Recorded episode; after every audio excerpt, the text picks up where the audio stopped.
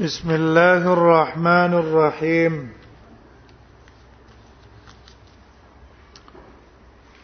أما بعد فإنك يرحمك الله بتوفيق خالقك ذكرت أنك هممت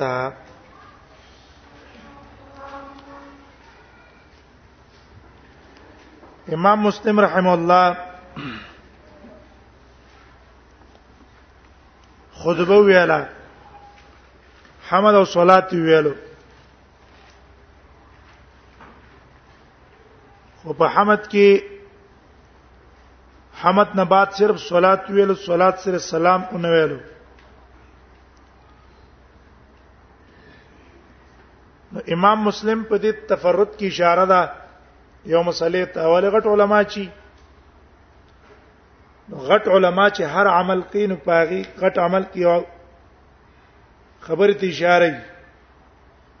به دا اوچت علما وو دې تفرد کې اشاره او جواز تا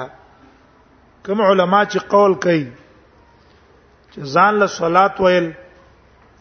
ځان له صلات ویل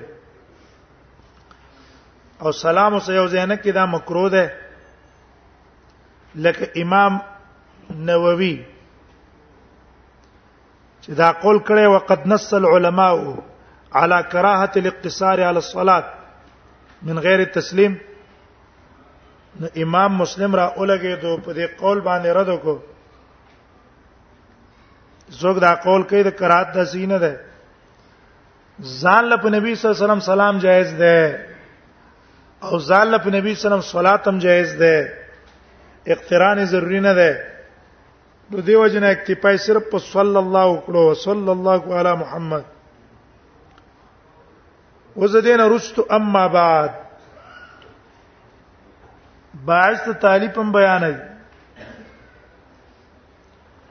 او باعث د طالب نه بعد خپل طریقه بیانوي زه په دې حدیث کې کم قسم روات او احادیث راوړم او کم قسم روات او احادیث نه راوړم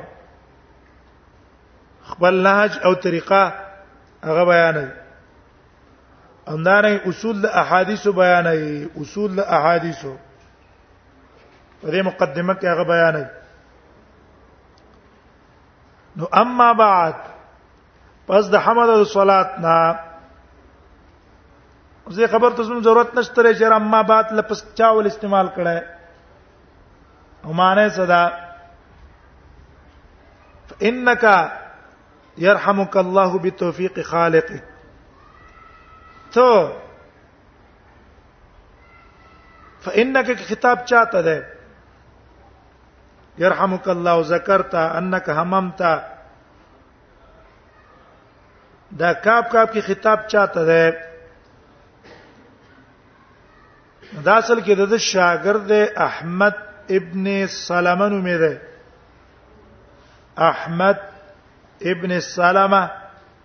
ابن عبد الله ابو الفضل البزار دا د شاګرد دی امام مسلم ابن الحجاج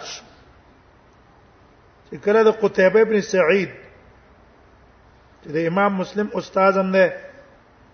او د نورو ائمه استاد هم دی قتيبه ابن سعيد لتلو ندام اسرو بیا دویم ځل چې کله امام مسلم بصری ته تلو نو عمدا وسرو نو دې شاګرد او تداویل امام مسلم ته چې ته د استادانو احادیث یو ځای کا یو ځای کې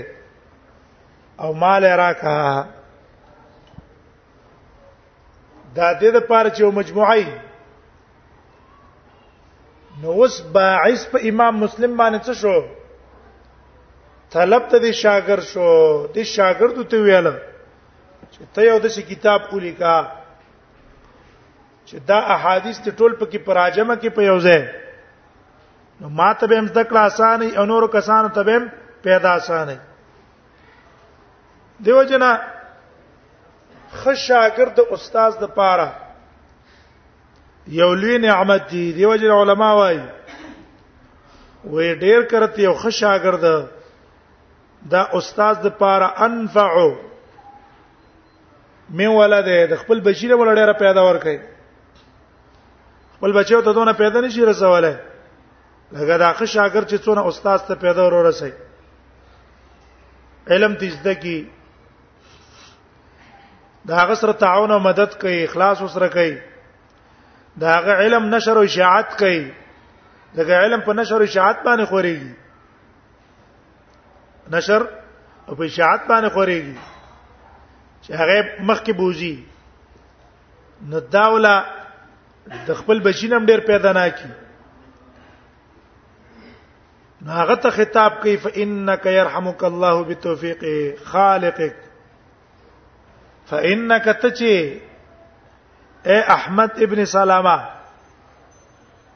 يرحمك الله الله دې پتا باندې رحم وکي الله دې پتا رحم وکي بتوفیق خالقک دې کې احتمال لا ده چې بتوفیق خالقک ذکرتا دا به توفیق کې متعلق ته په ذکر ته پوره دا غیر لپاره مفعول له مقدم شوی دی معنی دا ده چې انک يرحمک الله ته الله دې پتا باندې رحم وکي ذکرت بالتوفیق خالقک دا خبره چې تا ما ته وکړه کنه چې ته مال دې یو کتاب راجمه کا نو دام تا چې وکړه نو بالتوفیق خالقک دا الله تعالی توفیق درکړی دی د خیر خبره دا یو غټ کار دی چې استاذین ته الله دا واچولا چې راشه د امام مسلم ته وایا چې ته دا ټول احادیث ته په یو صورت د کتاب کې راجمه کا چې دا غیز د کول شاګرد ته آسانی نو دا خبره چې الله تعالی تزین کې واچولا دام ورستا کمال نه دی به توفیق خالق کا دا چا ته توفیق درکو هغه ذات ته لدر کو چې ته پیدا کړې نو احتمال لا شو بتوفیق خالق کې متعلق چا سره شو ذکر ته دویم احتمال دا ده چې نه دا متعلق دی د يرحمک الله سره فانك يرحمك الله بتوفيق خالقك الله دې پتا باندې رحم وکي په څه باندې په توفیق اے د الله رحمونه مختلف انواع دي نو به توفیق خالق کا تعینو کو د یو رحم چې الله دې پتا باندې رحم وکي خو په کم قسم رحم بالموافقه للخير الله تعالی توفیق د خیر د لدر کی چې د خیر زده کړو کې د خیر طلبو کې د خیر نشر او اشاعت کې نو دا دویم احتمال باندې متعلق د چا سره شو يرحمک اسرا نو تعین شو بیا په دې کې تخصیص شو د رحمت په چا پورې په توفیق پورې يرحمک الله وایت الله دې تا باندې رحم وکي به توفیق خالقک او طاقت تر کول تعالی را به توفیق معنی تعالی قوت تر کول طاقت تر کول په دې کارونو باندې په موافقت د دې کارونو باندې نو ذکر ته نڅ شو مستقله جمله شو و الله دې تا باندې رحم وکي په طاقت تر کولو د خیر طاقت تر کولو د علم چې ته د علم طالب شې د علم طلبګار شې خیر طالب شې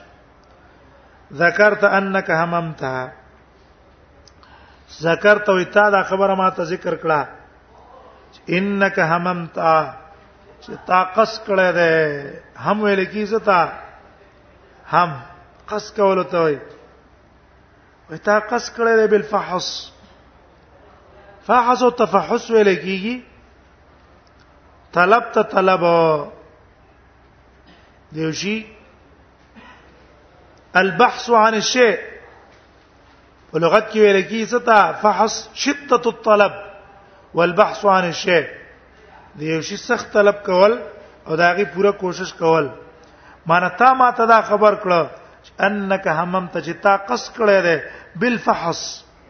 په پوره طلب او په کوشش او په بحث کولو ان ان تعرفه د پیج معلومولو تعارف یې لکه څه تا معرفت تا پیجندلو تا تا قص کړه د معلومولو جمله الاخبار الماثوره اغا یو مجموعه جمله معنا څه المجموعه یو مجموعه الاخبار د هغه حدیثو الماثور عن رسول الله صلی الله علیه وسلم چې هغه نقل دي د نبی صلی الله علیه وسلم نه په څه کې په سنن الدین او احکامه چې هغه را نقل دي په سنن د دین کې او په احکامو کې واحکامه د عتب په سنن باندې عتب ده د عام په خاص ول احکام لفظ عام نه شامل له سنن او فرایض او نور تا ټیک شو دلته چې لفظ د او سنن خاص ده عتب د چا راغې عتب د عام راغې په خاص باندې نو تا قص کړی دی ان تعرف د معلومولو جمله الاخبار دغه مجموعه او د احادیثو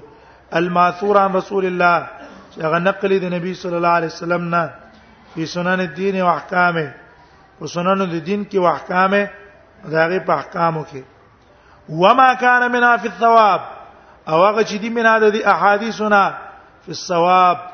په بار د ثواب کې چیر دا کار چا وکړو دونه دونه اجر وي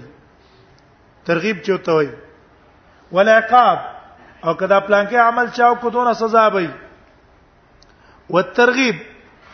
هم دارنګ په ترغیب او ترغیب کې چیرې دې عمل کول پکار دي په دې کې دونه اجر او ثواب ده والترهیب یا ترهیب چې لکه دا عمل چا وکړو دونه دونه ګناه ده پکې د دې متعلقه حدیثي وغیر ذلک من صنوف الاشیاء او په غیر د دې نه من صنوف الاشیاء د قسمه قسم شینو نه معنا پاغي کې د نبی صلی الله علیه وسلم طریقه د نبی صلی الله علیه وسلم هيئت د نبی صلی الله علیه وسلم خوراک سکاک د نبی صلی الله علیه وسلم اود کېدل د سنو په لشیا دي کنه دي دا ټول په کې ذکر شوی احکام هم پکې عقاید هم پکې تفسیر هم پکې د نبی صلی الله علیه وسلم سیرت هم پکې دا سونو په لشیا شو کنه چې دا ز په یو ځای کې څه کما دا مجموعه د احادیثو زه معلومه کم خو بل اسانید التي بها نقلت خو هغه سندونو چې موږ ته نه نقل شوی دي په سې سندونو سند ویل کی څه تا یا سند ماخوذ د اسناد نه موږ ویل ارتفاع ته وای کنه سند ته سند زکوي چې په دې باندې د دې په ذریعہ باندې دا حدیث نقل کیږي رسول الله صلی الله علیه وسلم ته ثاني جمع د سند ده او یا سند اعتماد ته وي دا زما سند ده دا زما څه ده سند ده معنا په دې مې اعتماد ده سند ته سند ځکه وای چې د دې سند په وجه باندې اعتماد کېدای شي په صحت ته حدیث او په ذوب ته حدیث که سند قوي او حدیث به قوي که سند کمزوري او حدیث په کمزوري نو وتداولها اهل العلم او راغستري وتداولها او راغستلې دي سندونو لرا اهل العلم فيما بينهم اهل علم په ما بین دي کې سمانا دا سه سندونه چې اهل علم په هغه باندې اعتمادي دا دي صحیح ده اسناد صحیح ده او دا پلان کې راوي قوي ده دا سه سندونه زوی په والا سندونه نه وتداول په معنا ورځي دی تداول کی زمير چا ته راځي دی یا ثانی دوته وتداولها او راغستلی د سندونو لره اهل علم فيما بينهم په خپل منځ کې هغه په اعتماد کړی نو ګوره تا دا خبره ذکر کړه چې ما هممت بالفحص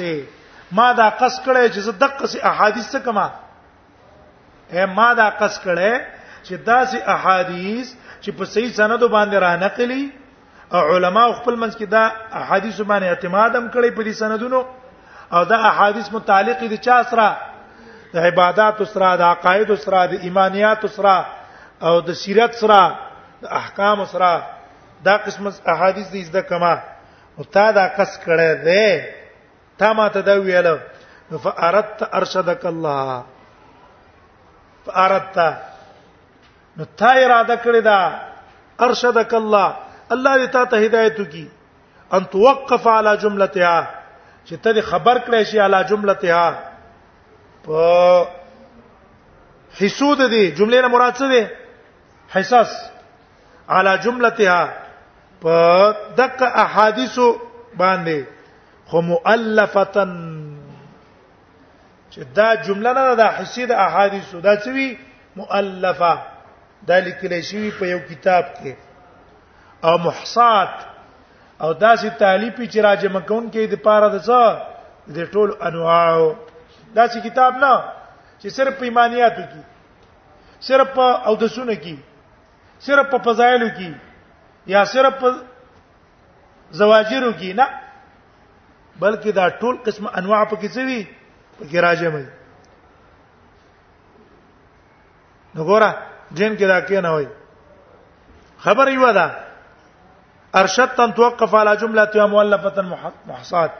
وما غسر دي هممت بالفحص عن تعرف جمله الاخبار محصات چې دا د په صورت څه کې وی طالب کې وی وسالتني یو خو دې مال دا مطالبه وکړه چې مال دا څوکا دا ټول احادیث چې مختلف انواع دا په شکل د کتاب کې راکا حکم هغه سندونه په کې ذکر کړي هغه معتمدي دوی مثال ته سوال درانه دا کړه ان الخص حالک فی التالیف چې دا زتا تاسو کما ان الخصها چې د دې تلخیص کومه په صورت د طالب کې ټیک د مختلف سره دی نه خو زه به د ټولو خلاصه څه کما د دې ټولو احادیثو خلاصه به ذکر کم په صورت د طالب خو بلا تکرار یکسر غره دا حدیث پر اوړې خو تکرار به پکې نه کې دا سه تکرار چې یکسر زیاتی ډیر تکرار به پکې نه کې اته ضرورت مطابق وکا ولی فإن ذلك زعمتها وې زکه ذالک دا تکرار چې ده زعم ته توای زعم ته په معنا څه ده قلتا ولې زعم په عربی کې څه استعمالېږي او زیاد قول استعمالېږي زعم ته توای چې مما یشغلک اما له قصدتا زګه دا تکرار د احادیثو تا مشغولې د سنه اما له د اغنه چې تا هغه ته قصد ته قصد کړي قصد کړي من التفهم فيها د فهم اچرونه په حدیثو کې اے ته خوای چې زما غرض دا ده چې دا احادیث مکرر نه وي ولی تکرار د احادیث باندې سړي باندې خبرت راځي نو غیر مکرر احادیثي او زه پاغه باندې ځان څه کوم پوي کوم او مسائل تر وباسم قصدت من التفهم فيها اول استنباط میرا او دا تا مشغول کړي د چانه د استنباط د مسایل نه داغینا تا ما ته دا مې چې تکرار پکې مکه وازه ک تکرار مخله پڅ کې په استنباط کې چې په دې کې خلل لا ولي دی اوس وایي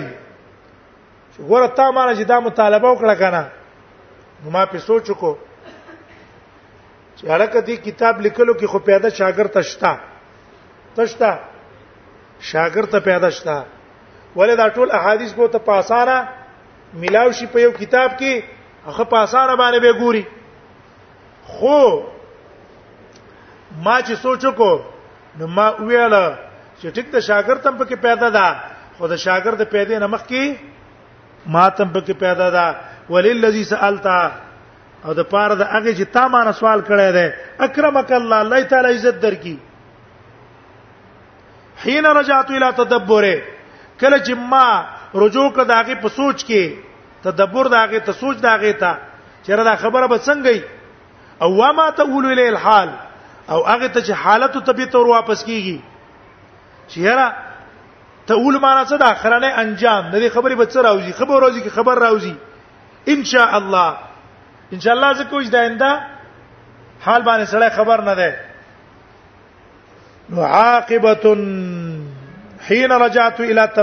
تدبر وما تولي الحال ان شاء الله نو ما څوکړل حين رجعت الى تدبر چې ما په کې سوچ وکړو نو ما ته پته ولګېدله چې عاقبه محموده چې پاینده وخت کې به دې لپاره څه وي خسته انجام وي ومنفعه موجوده او په دې کې به پیدې په حال